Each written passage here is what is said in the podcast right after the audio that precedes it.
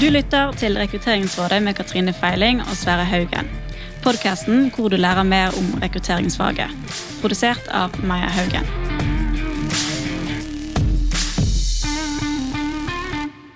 Katrine, i dag skal vi snakke om en tematikk som jeg vet at du både er god på, men også syns er ganske spennende. Uh, og Ja. det om, Det ble jeg litt sånn nølende god på, eh, men jeg har i hvert fall hatt ansvar for det og jobbet med det. Eh, Ja. Så jeg har jo kjennskap til det, eh, kan vi vel si. Mm. ja, tematikken, er, tematikken er onboarding. Um, og da, da, da nevner du ikke du, du har jobbet med onboarding. Kan ikke du si litt mer? Hva, hva, var, liksom, hva var greia da? Nei, altså når jeg jobbet i eh, Accenture, og andre steder også, men særlig Accenture, så var jo onboarding definert som en del av rekrutteringsprosessen. Eh, og da hadde jeg ansvar for et onboarding-program. Eh, jeg mener å huske at det var sånn 87 stykker som skulle begynne på den samme dag, en eller annen september. Eh, eh, og, og egentlig det å lage hele programmet, eh, og også liksom oppfølgingen eh, før folk startet, det var en hva skal jeg si, en stor og viktig oppgave, føltes det som. Eh, Ja. Veldig tidlig i min karriere, da. Så Ikke sikkert derfor det føltes veldig stort og viktig. Mm. Og så, og så har du jo også blitt onboardet i opptil flere selskaper, så du har gjort deg erfaringer fra andre siden av bordet Ja. også. Absolutt. La meg spørre uten at vi skal liksom avsløre alle godbitene med en gang, men har du vært med på både og, eller har du både hatt gode og dårlige opplevelser i onboarding? Eh, jeg har hatt både gode og dårlige opplevelser. Altså der tror jeg vi kommer liksom litt inn på mye av det vi skal snakke om i dag. For det kan ha litt med definisjonen av onboarding ja. og, og egentlig liksom hva, hvordan selskapet du skal begynne i, eh, ser viktigheten av det. da. Og også hvor tydelig man er som kandidat om hva man trenger.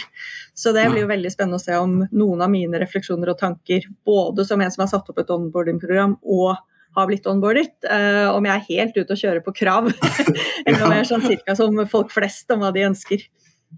Uh, og det skal vi faktisk finne ut av ganske snart, fordi vi har jo fått med oss en gjest i studio eh, i dag. Og, det, og den gjesten har vi funnet fordi vi spurte, jeg spurte på LinkedIn, hvem er det jeg burde snakke med for å ha en episode om onboarding? For det har blitt anbefalt fra andre gjester vi har hatt, at vi burde snakke om onboarding, som er et spennende og relevant tematikk i Rekrutteringsrådet. Og da var det flere som sa dere må snakke med Amin Fard. Så da er vi så heldige at vi har fått med oss Amin i studio i dag. Velkommen, Amin. Tusen takk, eh, Sverre og Katrine. Nå har vi gleda oss fryktelig til, å, fryktelig til å snakke med deg. øh, Og fortell meg aller først, da, hvorfor har folk tipsa om å snakke med deg? Jeg vet jo da, men nå liksom hjelper jeg lytterne litt her, hvis ikke de har hørt om deg før. Nei, det vet jeg ikke helt sånn hvorfor folk har, har nevnt meg, annet enn at vi, vi er jo onboarding-spesialister. Eh, Jeg har jo skrevet en bok om onboarding med en veldig anerkjent forsker eh, på feltet. Eh, Og så håper jeg da at folk har fått gode opplevelser når de har vært i, i kontakt med oss. da. Ikke sant? Og da er vi jo, da er vi jo svaret på det. Du er jo du er, du er vel så, så nærme man kan komme en onboarding-ekspert. Både har skrevet bok og jobber med onboarding. Ja, altså Hvis du skriver en bok om noe, så er du automatisk ekspert. Så ja, Du får skrive noe, da. Bare skrive noe, Ja. må ut, må utgi noe. Altså, spesielt hvis det er en anerkjent forsker som har skrevet med deg. Da er du liksom eh, en forsker du òg, på en måte. Selv Ikke om jeg ikke er det i det hele tatt. ja, men Det er veldig bra. Men, men øh, den boka jeg sitter altså med boka her i hånden. øh, Jeg har lært at bilder er bedre på radio. og Det er en liten bok. Den er svart, ikke veldig tykk, og den er rosa nederst. og Der står det Talia Bauer, ph.d. Det er vel da denne forskeren du har skrevet med, antar jeg. Og Avin Fard, CEO av Prepio, som har skrevet The Employee Onboarding Playbook. Eh, Og jeg har, eh, jeg har hatt, vært så heldig at jeg har fått lest litt i den og tittet litt i den, og jeg har fanget opp mange spennende ting som jeg tenker at dette her må jeg sette meg ned og titte noe enda nøyere på. Så, så jeg gleder meg til praten nå. Men først, CEO of Prepio. Hva er Prepio for noe? Um, så Prepio, jeg kan jo fortelle litt om historien vår. Så vi startet for seks år siden som et teknologiselskap. Uh, og, og litt av bakgrunnen for at vi startet dette selskapet, var at vi så at Slack kom på markedet, og så kom uh, Facebook med Workplace, eh, Workplace-plattformen. Eh, altså Skype for Business ble til Microsoft Teams. Og i dette skiftet i måten selskapet kommuniserte på, fra på en måte litt sånn traust e-postkommunikasjon til rask eh, chatkommunikasjon, som vi var vant til fra privatlivene, så eh, tenkte vi at her finnes noen muligheter for oss da, å bygge et stort selskap på en måte på toppen av de plattformene som selskapene bruker fra før for internkommunikasjon. Uh, og det første produktet vi bygde, var egentlig en, en chatbot som kunne, man kunne sende ut informasjon til la oss si 2000 mennesker i selskapet. Så fikk du sånn en én-til-én-melding personlig, men det var da internkommunikasjon som kunne skyte ut sånne meldinger. da. Ah. Uh, og det ble tatt veldig godt imot, og vi fikk en del kunder. Men vi så at uh, dette produktet her ikke kunne skaleres. altså det vil Si at vi kunne ikke bygge et selskap rundt det. Det var ikke verdt å ha på en måte utviklere som koster millioner av kroner for å bygge dette produktet. Um, så vi hadde jo, jeg og min uh, co-founder, uh, Reza, vi hadde investert uh, Vi hadde jobbet gratis et år. og vi hadde investert så å si alt vi hadde i dette selskapet. Og så etter ett og et halvt år så finner vi ut at dette her er ikke liv laga.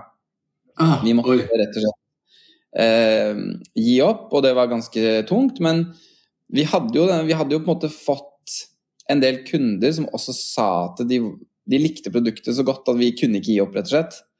Um, og at uh, da, da, endte vi opp med å en måte, ta en runde med oss selv og, og, og spørre oss okay, hva, hva, er det vi egentlig brenner for? Hva er det vi kunne, kan gjøre med dette produktet som vi har bygd, som, som vi gir verdi? Og da i samarbeid med kundene, uh, f.eks. Lyse, da, som er i Altibox og sånn, så, så, fant vi at dette med onboarding det er et område hvor det er nesten alle selskaper vi snakket med, hadde problem.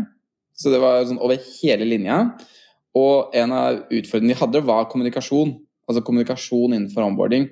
Så, øh, og dette med onboarding Vi har, jeg har selv opplevd dårlig onboarding. Alle har opplevd dårlig, eller altså alle husker i hvert fall en eller annen onboardingsopplevelse. Så det var noe som engasjerte veldig. Så da tenkte jeg ikke dette var gøy. Eh, og da fikk vi med oss uh, Skyfall Ventures, som trodde på ideen. Så det er noen tidligere ja, startet Oda og sånn, blant annet. Og de investerte penger i oss, og det ga oss på en måte troen da, på at ja, kanskje vi kan bygge et globalt selskap rundt denne utfordringen som nesten alle har, som er onboarding. Nå er det jo gått fire-fem år siden det, og vi er veldig fornøyd med det. Altså, er fire-fem år siden, og, og, og, da har dere altså hatt fire-fem år til å bygge også praktisk erfaring om onboarding? da? Ja. Så, ja. så det, måte, det vi er i dag, det er det vi kaller en opplevelsesbasert onboarding. Eh, og, og, vi er litt sånn eh, vi, vi, tenker at altså, de, de, de trauste HR-systemene som blir brukt i dag altså det er ingen som blir engasjert av en onboardingsopplevelse med en automatisk e-post som går fra de systemene der. Her finnes det muligheter, og det, når vi på en måte har jobbet med denne ideen, alt fra preboardingen til onboarding, så har vi jo lært oss utrolig mye. For vi har jo på en måte vært hands on og bygget dette her i selskaper. Fått feedback. All, all, all, feedback som vår plattform henter inn, jobber jo vi med kundene på hele tiden forbedringer. Ja. Um, ja, så det Ja. Veldig mye egentlig indirekte hands on, vil jeg kalle det. For det er jo ikke vi som onboarder dem, men vi, vi sitter der med kundene hele tiden. Ikke sant. Katrine, vi snakket jo om liksom, definisjonen av onboarding. Det er kanskje på tide å begynne å definere opp hva vi snakker ja, om?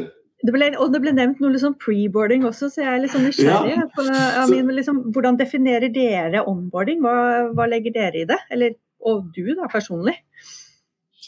Um, jeg personlig, altså jeg, har jo en veldig sånn høy tanke om onboarding. Eh, jeg tenker jo at det er litt sånn eh, Jeg vet ikke, det er sånn på en måte Hvis man gjør det riktig, så er det en del av en sånn prosess hvor du går fra å på en måte være en outsider til å føle deg virkelig som en insider.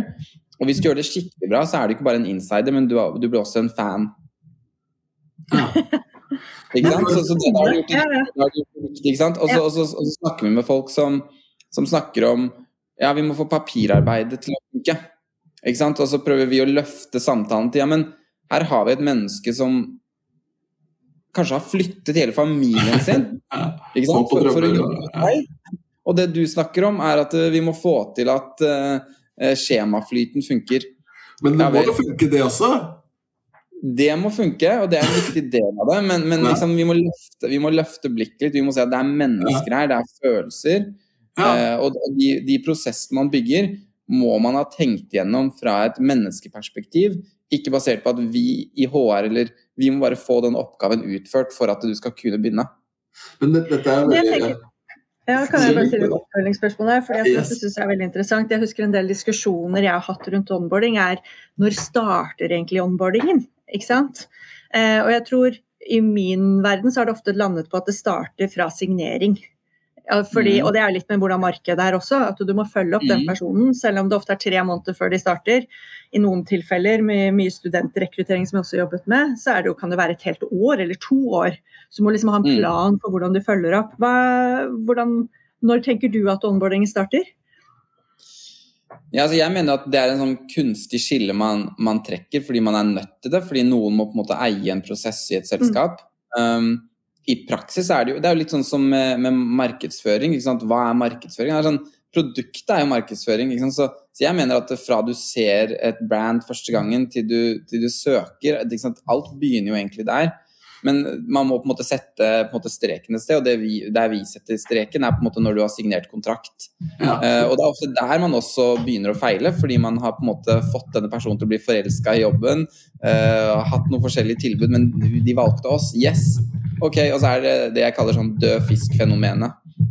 Du, du, du, ikke er på land, du har blitt fiska opp, men det er ikke noe som skjer nå. Nå er det bare venting. Ja, ikke sant.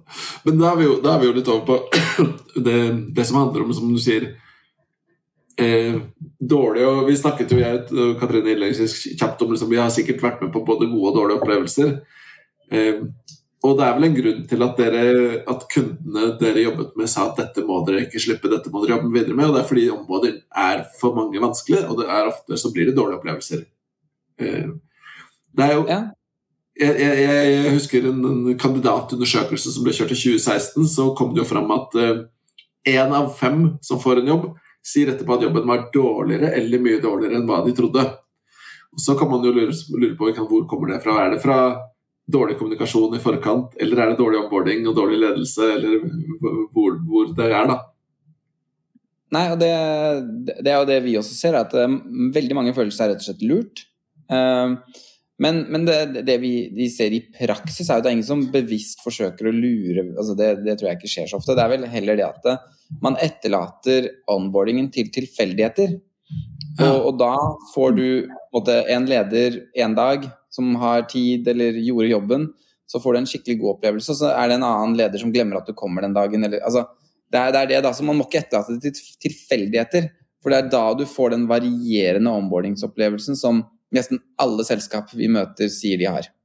Ser du nikker, Katrine? Høres det kjent ut? Ja, nå, og nå kom jeg på en opplevelse jeg hadde som, hvor jeg var ny. hvor de hadde liksom, Fordi det var ingen som hadde tid til å gjøre onboarding. Hvor det var litt sånn satt til meg som ny, og skulle da manøvrere eh, og sette opp møter. Eh, jeg hadde fått en liste med navn, da. Eh, såpass var det men sette opp møter med folk jeg burde prate med. Men de hadde jo ikke tid til å prate med meg, så jeg satt jo egentlig for det beste og satt og ventet på folk. Og det tenker jeg litt med den der ansvarliggjøringen, eh, og at det må være en plan i grunnen. Og så skal det ikke bli for skjematisk, men det er liksom at man, man er enig som organisasjon at dette er sånn vi skal ta imot nye. Vi starter her, dette er det som er viktig i dette steget. Dette er det som er eh, viktig her. Altså liksom, og så er det jo, nå har vi snakket om når vi tenker at onboardingen starter, men så er det også liksom Når tenker vi at eh, onboardingen slutter? Når er man liksom integrert i selskapet godt nok? Jeg tenker også Det er veldig interessant. For der tror jeg det slippes veldig fort. At vi har fått personen inn ja, døren, ja, ja, nøkkelkortet og løp. Ja, for, for, Hvis du tenker på flyet, da, på et fly, så er det ganske tydelig.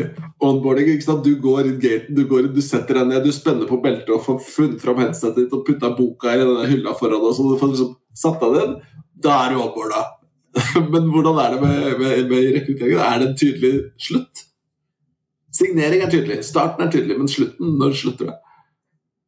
Eh, det kommer veldig an på, på den type stilling du har, ikke sant. Så, så, det vi vet, er at hvis du skal f.eks. Um, ja, altså, noen, noen sier at det, det, varer et helt år eller lengre. Uh, altså, altså, Det sier seg jo selv. Liksom, det er jo, når du er ny i et selskap hvor jobben er relativt enkel, så er det mindre, liksom, tar det mindre tid før du på en måte kommer deg opp. Men sant, det, seg, det, sier seg selv en person som har jobbet i et selskap ti år, er på en måte mer onboarda enn en person som har jobbet der i to år. Så det er jo egentlig en sånn, det er en gradvis uh, uh, på en måte Eh, skifte da, fra du på en måte er helt onboarda til du på en måte er i utviklingsstadiet, da, kan du si det. Men det vi, vi setter opp i, i, i Preppio, er at det skal vare et år. Uh, men at det nødvendigvis ikke er på en måte onboarding de siste seks månedene, f.eks. Da er det mer liksom undersøkelser. Fordi du er fremdeles fersk nok til at det er verdt å, å hente feedback fra deg som, som, er relatert til at du er ny. Nettopp. Ja, det er interessant. Ja, denne boken når, Da har jo du jobbet med faget, og dette, den er antar jeg skrevet av etter at du også hadde begynt å jobbe med onboarding. Så det interessante er nå sitter du og jobber med denne forskeren, Talia. Um, oppdaget du noe nytt? Var det noe læring? Hvilke ting fant du ut av liksom, underveis i arbeidet med boka? Ja, altså um jeg møtte Talia på en konferanse i Norge. Uh, og vi fant veldig tonen, fordi hun sa at jeg har jo messet om dette her med omboarding i 20 år. Jeg begynner å gå lei av å fortelle teorien til folk, fordi nå er jeg liksom, Alle vet jo nå.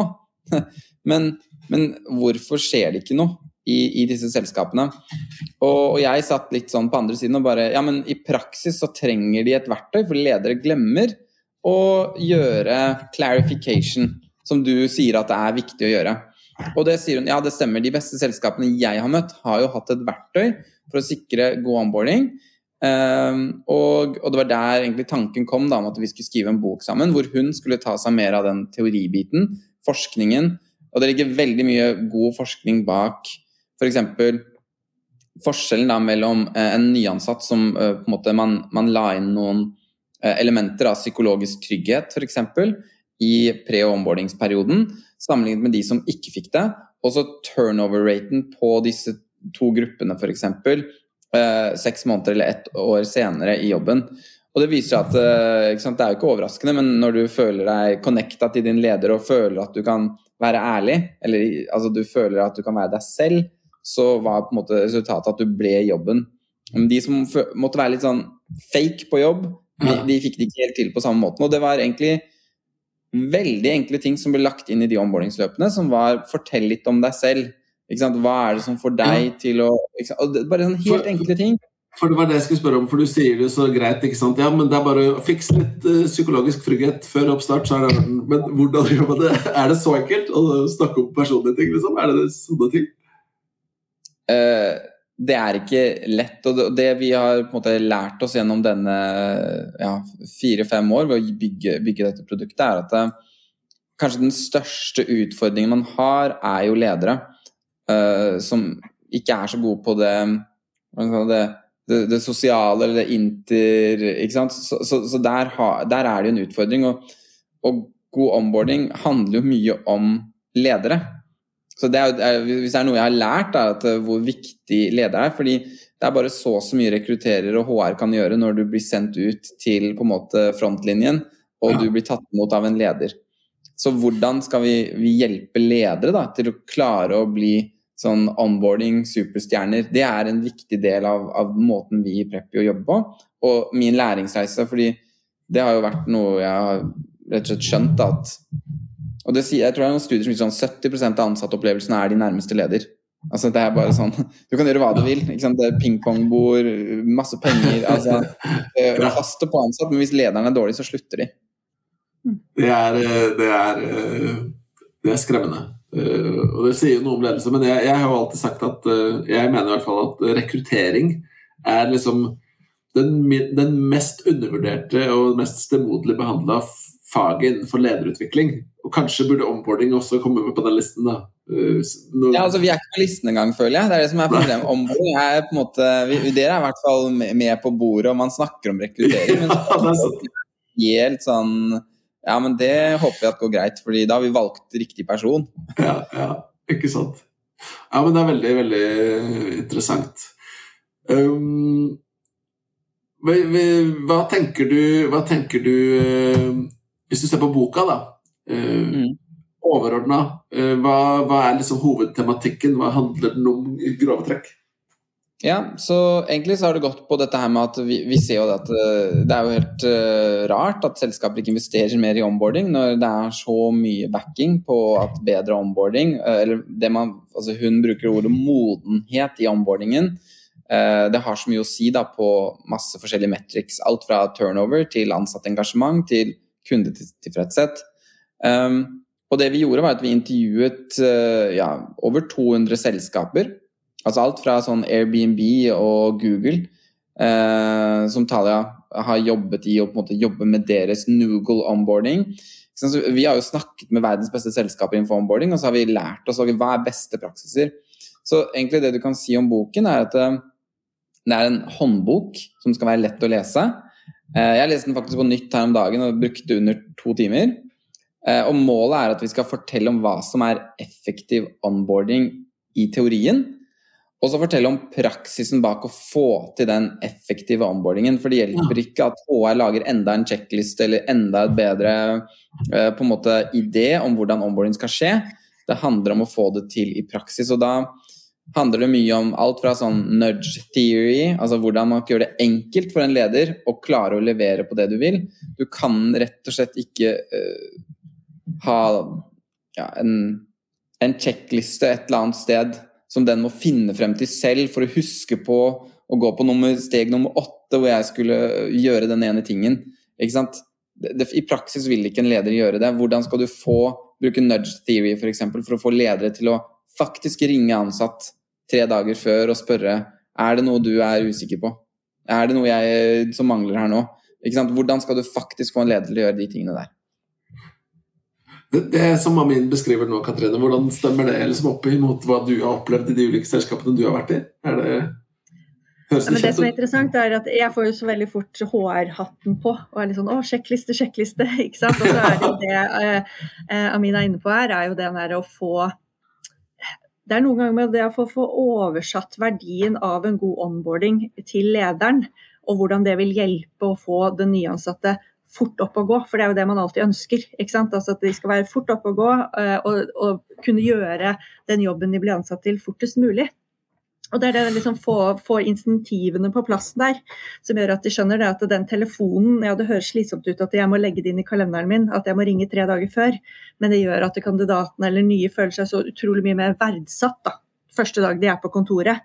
Eh, altså, så kan vi tenke at det er litt sånn selvsagt, men at PC-en er på plass. Det er jo ikke noe som er mer frustrerende at du går og bare sitter en dag på, på ny jobb uten at liksom, ting er på plass. Og det er liksom alle disse små elementene, og bare forstå viktigheten av det. Er vel litt det det dreier seg om. Som er interessant at det er så mange ganger eh, det ikke funker fortsatt. Mm. Ja. ja. jeg vil jo ta det et steg, et steg lengre da, og, det, og det si at uh, på en måte, det jeg tror HR kan hjelpe ledere med, det er jo på en måte disse påminnelsene å sikre at leder faktisk gjør det. Men istedenfor at det er en sjekkliste, så på en måte kan man vekke den sjekklisten litt til live. Og uh, sende f.eks. en nudge og litt coaching, da, som vi kaller det i vårt verktøy, til leder på det tidspunktet hvor det er størst sannsynlighet for at leder lykkes med, med det. Uh, og, og det men spør Når du sier nudge, er det, er det bare en påminnelse på mail, eller er det noe annet?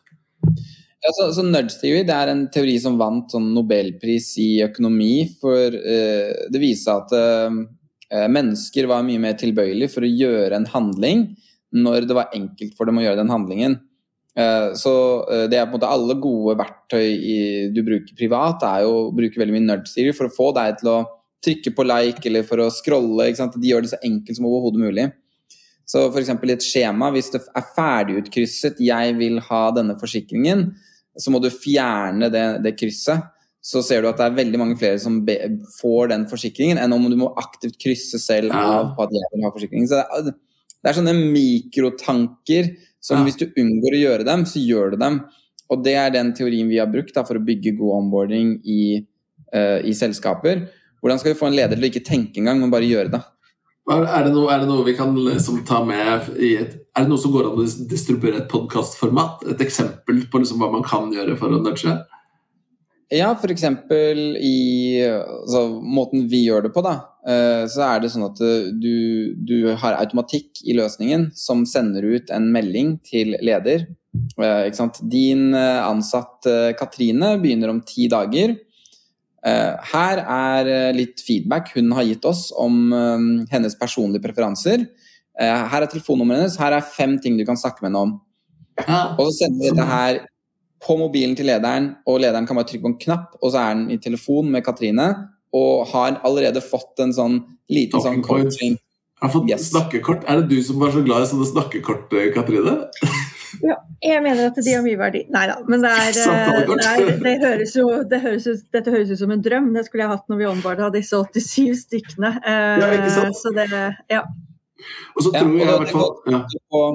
Eh, du nevnte sånn ledere må huske på å legge det i sin egen kalender. Ja, men Leder husker ikke hva han skal snakke Ok, nå må jeg ringe han, men hva skal jeg egentlig si? Altså Alle disse små tankene er det som gjør at du, du ender opp med å kanskje ikke ringe. Og hvor er telefonnummeret til ansatt? Nei, da må jeg logge meg inn i HR-systemet. Yes. Oi, ja, men det, ja, men det har jeg ikke tid til. Jeg gjør det sånn. Ja. Yes.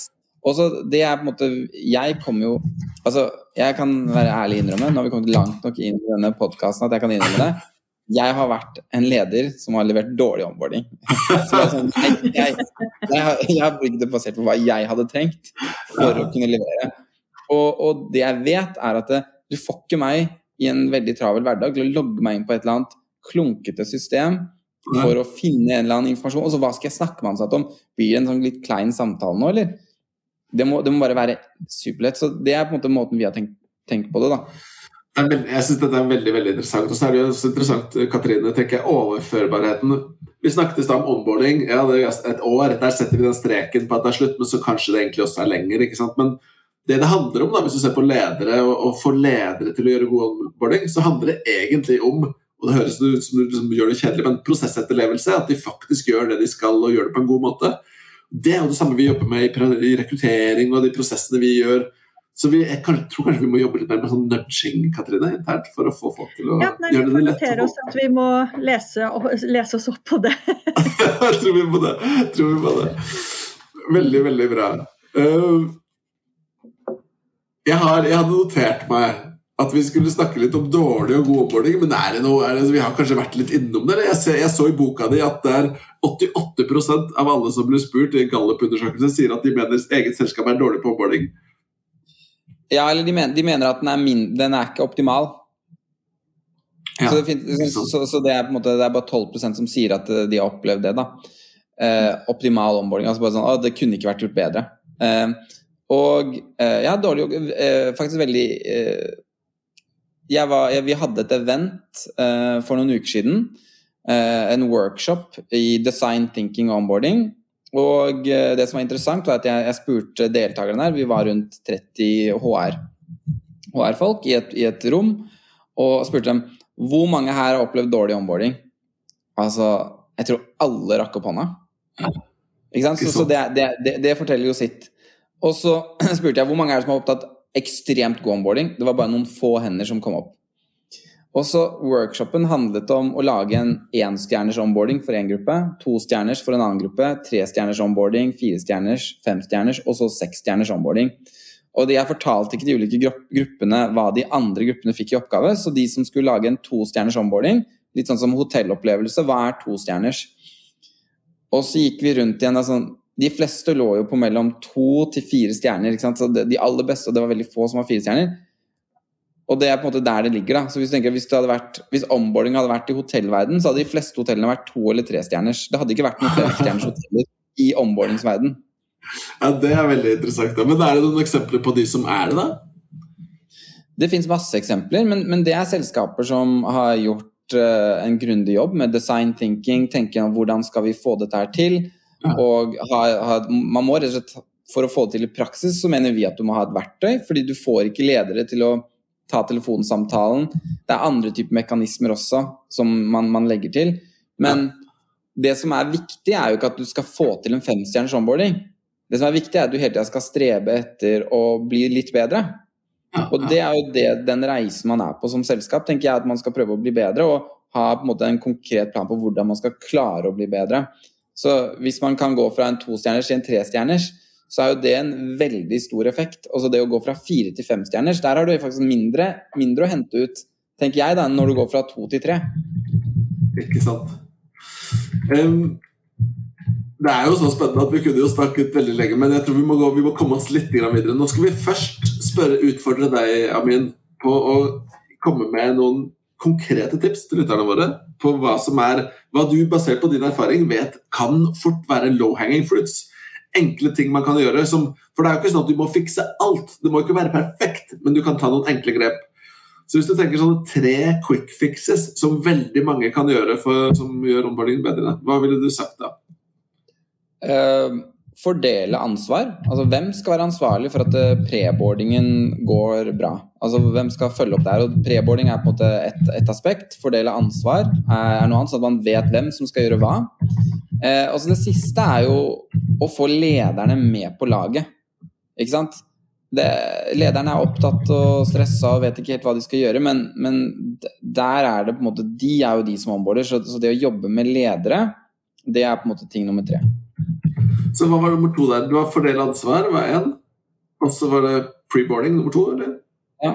Og hva er preboarding? Bare sånn, jeg tror jeg vet det, men i tilfelle det er lyttere som sitter og lurer, for vi har ikke sagt ja, så, så det er fra perioden du har signert kontrakt til første arbeidsdag. Alt som skjer i den fasen der og det er uh, alt fra informasjon som skal ut til ansatt, uh, kulturreisen de er med på, praktiske ting, få ledere til å følge opp, uh, ikke sant, osv.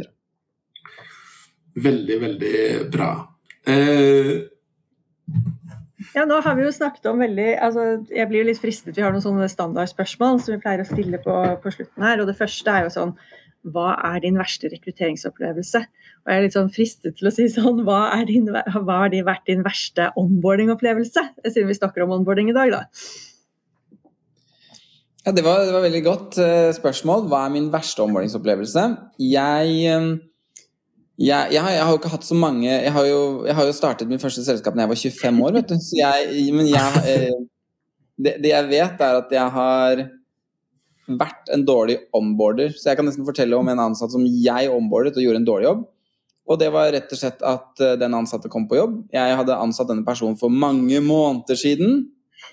Og husket ikke at den kom. Jeg hadde rett og slett glemt at det var en ansatt som skulle komme. Eh, det er ikke det klassiker, da. Og jeg visste ikke helt hva jeg skulle gjøre av meg.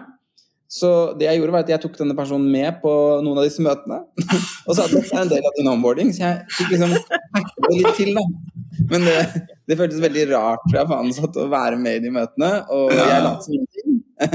Men ja, så det, det er min sånn onboardingsopplevelse.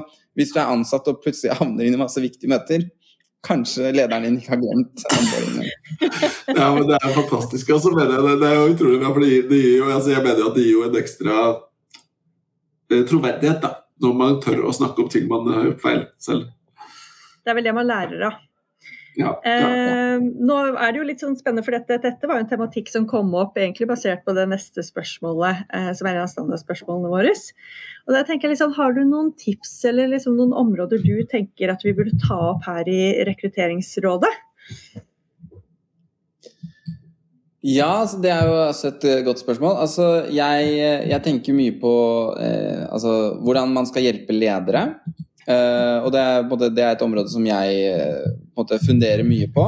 Eh, og, og, det er ikke alltid så lett, fordi de er så, så stressa og opptatt. Og spesielt da mellomledere. Altså folk som kanskje har blitt sånn ja, ansatt, vært veldig god ansatt, og så har de blitt ledere, og så gjør de ikke en så god jobb i den lederrollen, fordi det er ingen som faktisk har gitt de noe opplæring i lederfaget på en effektiv måte. Uh, og de, Det er jo de som også skal gå ut og rekruttere nye folk igjen, og de er jo helt blanke. Og de ser gjerne bare etter en kopi etter seg, etter seg selv, men det er kanskje ikke det de trenger.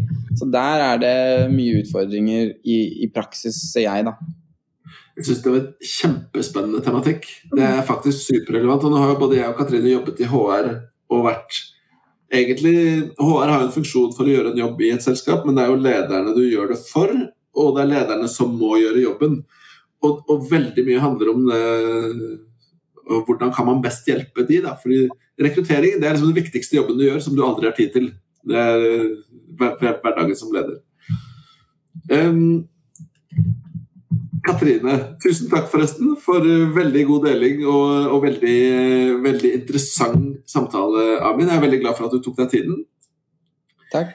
Takk selv. Uh, og så er jeg helt sikker på at de som har lyst til å lære mer om uh, onboarding, kan få tak i boka til Amin. Jeg bestilte den på Amazon. Uh, det går helt sikkert an å bestille den andre steder også, men den heter altså The Employee Onboarding Playbook. How innovative companies use employee onboarding to attract, retain and engage top talent. Flott undertittel der, altså. Uh, Katrine, vi går inn for landing. Hva vil du si, hvis du da tenker tilbake på denne samtalen, har du noen takeaways ja, altså det er jo litt den der, det blir en sånn liten øvelse i å legge den der HR-rekrutteringshatten til siden. Uh, og faktisk forstå at her blir det liksom en sånn lite sånn samme, det skjematiske og alle de typer tingene. Man kan lage en prosess, men at man må hjelpe til, og man må liksom prøve å legge til rette for at lederne, som egentlig er de som må knytte seg sterkest til eh, de nye ansatte, at de, de, får en lettest mulig måte å gjøre det på. Eh, det er vel egentlig det jeg tar med meg, for det er så lett å tenke at det, ja, hvis jeg har laget en fancy Excel-liste, så bør dette gå bra. Eh, men at man liksom Nei, alle er tjent på at vi faktisk ja, hjelper enda mer til i den prosessen der, da. Det, det er egentlig det som er ja. Jeg er helt, helt enig, og, og, det er jo egentlig, når du tenker på det, så er det jo helt åpenbart. Det er, men det er likevel en kjempegod bevisstgjøring på, på to ting, egentlig, som handler om når du sitter i HR og jobber med rekruttering, eller når du eh, skal gjøre onboarding, liksom, så tenker du på prosess. og det Jeg har gått i den fella selv. Du tenker på prosess, du tenker på sjekklister, du tenker på struktur, og det må jo være på plass. Men du gjør det jo for den ansatte, for at de skal få noe. Og du må gjøre det for lederne, sånn at de klarer å gjøre jobben. For det er ikke du som skal gjøre det i HR, egentlig. Selv om du sikkert har en rolle, du òg, i hvert fall i starten. Veldig bra. Skal vi, skal vi ganske enkelt uh, si at vi kan uh, Vi avslutter denne episoden der, Katrine? Det gjør vi. Takk. Tusen takk. Så må vi etter hvert finne en sånn fin sånn pønn vi kan ha på slutten. så er avslutningspønn, Men jeg kommer ikke på noe sånt. ja. God helg når den tid kommer. God helg når den tid kommer. Fint. Du har lyttet til Rekrutteringsrådet. Vi produserer også Topplederpodkast og Jobbsøker. Du finner oss der du lytter til podkast. Har du forslag til gjester eller tematikk, gå inn på vår Facebook-side Maja Haugen.